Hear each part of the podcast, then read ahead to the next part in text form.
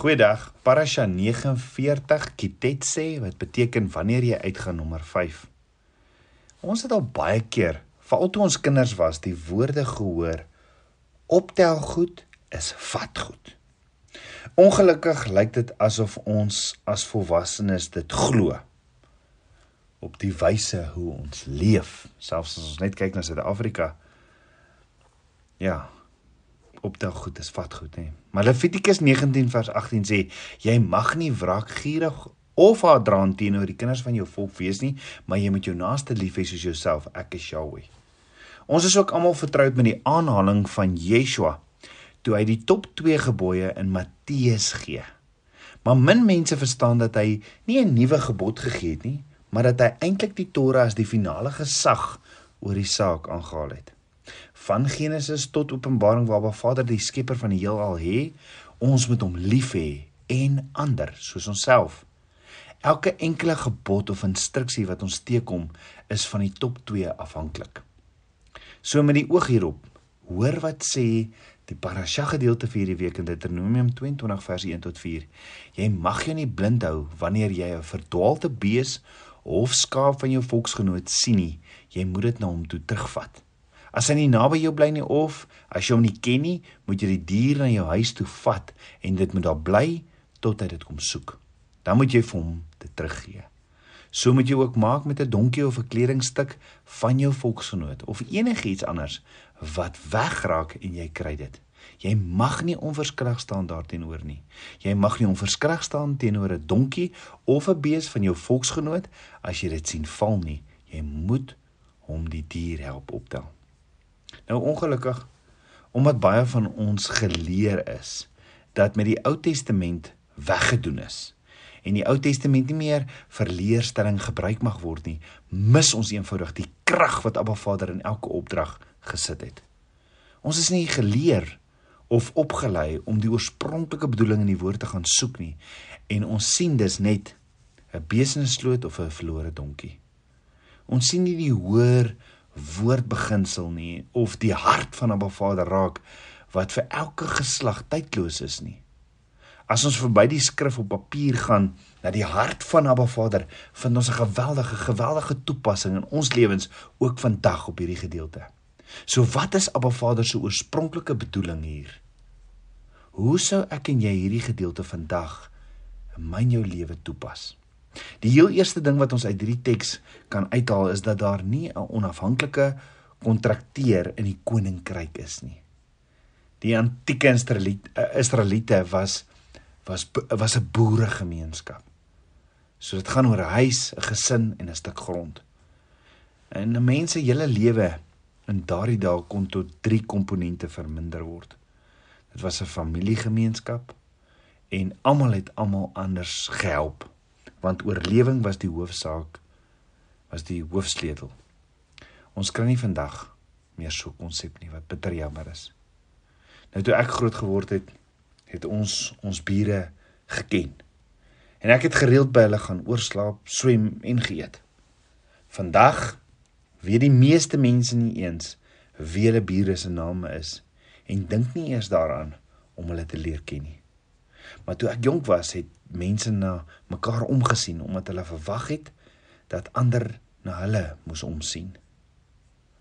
Laat ons dit toepaslik of relevant vir vandag maak. Maar die woord sê dat as jy 'n bees van jou buurman sien afdwaal, jy die dier na die eienaar moet terugneem. As jy nie weet wie die eienaar is nie, moet jy dit huis toe neem totdat die eienaar dit kom soek of opdag. Wat as jy wat as jy die hond van jou buurman sien wat losgekom het, wat uit die erf uit hardloop en weghardloop? Wat gebeur dan? Die meeste sou net aanhou ry en dit sommer net ignoreer want dit is nie 'n probleem nie. En wat as jy net so, wat as jy 'n beersie van iemand optel vandag? Is dit 'n blessing van Abba Vader soos baie verkondig? Of is dit dalk 'n toets van geloof? Byvoorbeeld dink daaroor. Veronderstel dit gaan verskriklik moeilik finansiëel met jou. En jy weet nie waar jy vandag gaan geld kry om selfs 'n brood te koop nie. Jy bid daaroor en vra vir Papa Vader vir sy voorsiening en soos wat jy in die straat verby 'n restaurant loop, lê daar 'n beursie op die pad. En binne in die beursie is daar 1000 rand. Is dit jou antwoord op jou gebed? Want sien die natuurlike mens redeneer duidelik hierdie persoon wat sy beursie verloor het, mos baie geld. Hy is wel af. Nou beteken dit jy kan nou maar met die kontant, jy kan nou maar met die kontant vat en dit sien as 'n seëning of 'n blessing van op 'n Vader af. Is dit 'n seën? Of is dit nie dalk net 'n toets van geloof nie? Of is dit nie net dalk 'n vangnet van die vyand nie? Hierdie voorbeeld is nie baie moeilik om te oordeel nie, want want daar is baie soortgelyke goed wat ons op ons lewenspad gebeur wat nie baie duidelik is om te sien nie. Maar volgens die woord moet ons die hond terugneem na die eienaar of dit huis toe neem en 'n kennisgewing in die omgewing plaas wat mense sal inlig dat jy dat hulle hul troeteldier gevind het. Die meeste mense wat iets van van waarde optel, sal dit outomaties optel en hou. Is dit nie vandag nie? En dan sê hulle finders is keepers of optel goed is vat goed. Maar dit is eenvoudig nie wat ons veronderstel is om te doen nie. Ons mag nie so dink nie. Ons moet deeglik na die eienaar soek en alles in ons vermoë doen om herstel te bring. Die volgende keer as jy iets van waarde vind, moet jy jouself eers afvra: As ek die een was wat dit verloor het, wat sou ek van iemand anders verwag om daarmee te doen? Doen dan net dit. Die barmhartiges wat die ekstra myl sal stap uit liefde uit vir hulle naaste doen beslis 'n goeie daad. Maar kom ons gaan 'n bietjie verder. Sê nou jy is deel van 'n gemeenskap en jy sien hoe een van die kinders van jou vriende van jou groep vriende, een van die kinders iets doen wat jy weet hulle ouers nie sou goedkeur nie. Wat gaan jy doen? Onthou dat die woord sê dat as jy die bees van jou broer, broer sien of sy skape verdwaal, Wat doen jy dan as jy 'n skaap sien verdwaal? Kyk jy weg en maak jy 'n opmerking en sê hoe verskriklik so en so se skaap of se kinders nou in hierdie geval is? Of doen jy die ongemaklike ding nader die ouers in liefde en deel hulle mee wat jy gesien het? Elke goeie ouer wil weet wanneer hulle kinders verkeerd optree of in die verkeerde rigting loop.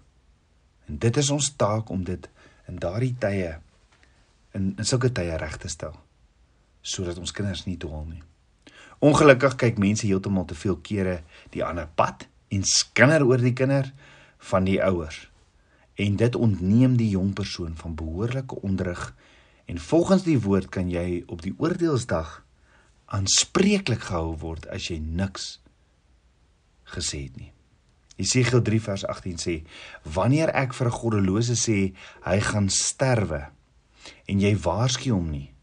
Jy praat nie en jy waarsku nie die goddelose teen sy bose optrede om hom so in die lewe te hou nie, dan sal hy deur sy sonde sterwe, maar hy sal van jou rekenskap eis vir sy dood. En dan sê Abba Vader verder, die persoon se bloed sal hy van jou verwag. Maar as jy die goddelose waarsku en hy hom nie van sy boosheid of van sy verkeerde weë af terugkeer nie, dan sal hy deur sy ongeregtigheid sterf maar jy het jou siel gered. Dan sê Jakobus 4 vers 17: As iemand weet wat die regte ding is om te doen en hy doen dit nie, is dit sonde. Met ander woorde die punt voor die hand liggend. As dit binne ons vermoë is om dit te doen en Abba Vader lei ons, moet ons die aanvaarbare doen en ander waarsku oor wat ons sien. Sodra ons hart in lyn is met Abba Vader se instruksies, sal die Gees ons lei tot presies wat ons veronderstel is om te doen en wanneer. Dit maak ons nie nou die sonde polisie nie, maar dit maak ons meer bewus en sensitief om die Gees, Heilige Gees te vra om ons te wys wat om te doen. En jy mag dalk jouself nou afvra, soos ek die oppasser van my broer nou, maar voordat jy dit doen, moet jy eers miskien uitvind wie beroemd geword het omdat hy hierdie presiese woorde gevra het. Nadat Kain Abel doodgemaak het, het Abba Vader vir Kain gevra: "Abel, waar is Abel Kain?" Abel antwoord toe in Genesis uh 4 vers Kain antwoord toe in Genesis 4 vers 9: "Ek weet nie, is ek my broer se wagter?" Kain se opmerking is gelewer uit 'n hart wat nie vir sy broer omgegee het nie en dit was in die in die konteks van uiterse sonde. Die waarheid is dat ons wel ons broer se bewaarder is en dat ons broer ons bewaarder is. Ons is veronderstel om mekaar te help en mekaar uit die modder op te tel. Ons moet ons hande uitsteek en mekaar optel. In werklikheid sê hierdie gedeelte dat as jy sien dat die dier van jou buurman op die pad neergeslaan het, jy die dier moet help om weer op te staan. As ons die dier van ons naaste moet help wanneer hulle val, hoeveel te meer moet ons dan nie ons naaste help wanneer hulle val nie? Almal van ons val een of ander tyd. Hulle kan al werk verloor, jy kan al 'n huweliksprobleem hê of selfs in 'n sonde val. En volgens hierdie woord moet ons nooit vir ons broer wegkruip nie. Ons moet net die teenoorgestelde doen. Ons moet ons hand uitsteek en en uitreik na hulle toe met liefde van Yeshua. So wat is ons geneig om te doen as ons agterkom dat iemand gesondig het of in hulle wandel met Abba Vader sukkel en ons het hulle iewers in 'n winkel. Ons kry ons sien hulle ergens in 'n winkel. Ons gaan kry weg nê. Ons stoot onmiddellik ons inkopie mandjie in 'n gang in 'n gang in en skuil agter die sobblikke sodat hulle hulle net verbygaan. Hoekom? Want het on, ons het nie ons naaste lief nie. Ons is ongemaklik in hulle teenwoordigheid. En ons wil nie sonde aanspreek nie. Dit is selfs ongemaklik om hierdie mense te sien want ons weet nie wat om te sê nie. En is dit nie so nie? Die werklikheid is dat ons nie regtig van mense hou nie. Jy dink miskien dat ek 'n bietjie te hard is, maar is ek? Want hoe ek my woord lees is dat hoe ek Abba Vader se woord lees is dat wanneer mense in 'n sloot vasgevang het of vasgeval het of 'n fout gemaak het, dit is wanneer ons eintlik hulle moet help uitkom. Dit is dan wanneer ons veronderstel is om eintlik die meeste Yeshua te wees. Is dit nie so nie? Het Yeshua gekom vir siekes of gesondes? Vir die regverdige of vir die sondaar? Wat as hy 2000 jaar gelede besluit het om sy rug op my en jou te draai in plaas daarvan om die ekstra myl te gaan om ons kruis te dra Golgotha uit? Laat ek illustreer in 'n praktiese voorbeeld. Hoe ver het ons nie van Abba Vader se woord afgedwaal nie? Dink daaroor. As jy aan 'n prostituut dink byvoorbeeld, Wat 'n soort idees of gedagtes kom by jou op? Gruwel, nê? Nee. Dink jy ooit? Het jy ooit daaroor gedink? Dink jy ooit ek wonder wat het alles na haar lewe gebeur? Wat haar op hierdie pad gebring het? Ek wonder of sy deur haar familie deur 'n familielid dalk gemolesteer is of as 'n jong meisie dalk verkragt is. Ek wonder of sy haweloos is en voel dat daar geen ander manier is om geld te verdien vir kos nie wonder of sy kinders het. Is dit nie die gedagtes wat Yeshua en ons verlosser gedink het nie? Sy optrede en gedagtes was deernis, medelee en 'n groot hartseer. Ek dink hy het by homself gedink, dit breek my hart om te sien dat die jong vrou, die dogter van Abba Vader dit doen of nog erger. Miskien is sy op 'n vroeë ouderdom deur baie bose mans gedwing om sulke dinge te doen en sy is gedreig dat as sy selfs daaraan dink om weg te hardloop, sy doodgemaak sal word of haar kind of wie ook al doodgemaak sal word. Jy sien ek glo dat Yeshua op daardie oomblik sou gestop het en net daar vir haar sou gebid het. Jy sien dit skei die sonde van die sondaar godsdiens beoordeel en veroordeel mense wat langs die pad geval het en in die sloot vassit. Yeshua liefde reik 'n hand uit om hulle te help om weer op te staan. Die godsdienstige kry weg vir sy naaste. Diegene die volgelinge van Yeshua, Yeshua diegene wat met liefde van 'n Vader gevul is, verstaan dat Romeine 3 vers 23 sê almal het gesondig en het nie deel aan die heerlikheid van God nie. En verstaan ook Romeine 6 vers 23 wat sê die loon wat die sonde gee is die dood, die genadegawe wat God gee is die ewige lewe in Christus Jesus ons Here. Daar's geen klippe vir die kinders van 'n Vader om te gooi wat die krag van die woord verstaan nie.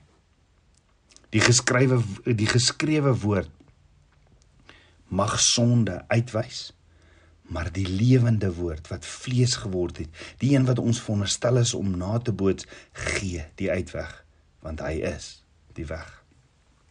Dit is hoe ons ons naaste moet lief hê soos onsself. Ons steek ons hand uit as iemand die pad byster geraak het. Ons stap die ekstra myl as ons 'n geleentheid sien om lief te hê in plaas daarvan om te oordeel.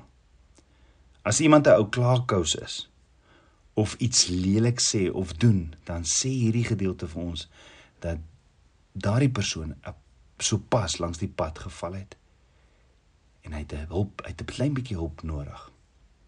In plaas daarvan dat hulle jou ontstel omdat hulle so vloek of goed sê, waarom nie eerder die persoon toefou met Abba Vader se liefde nie?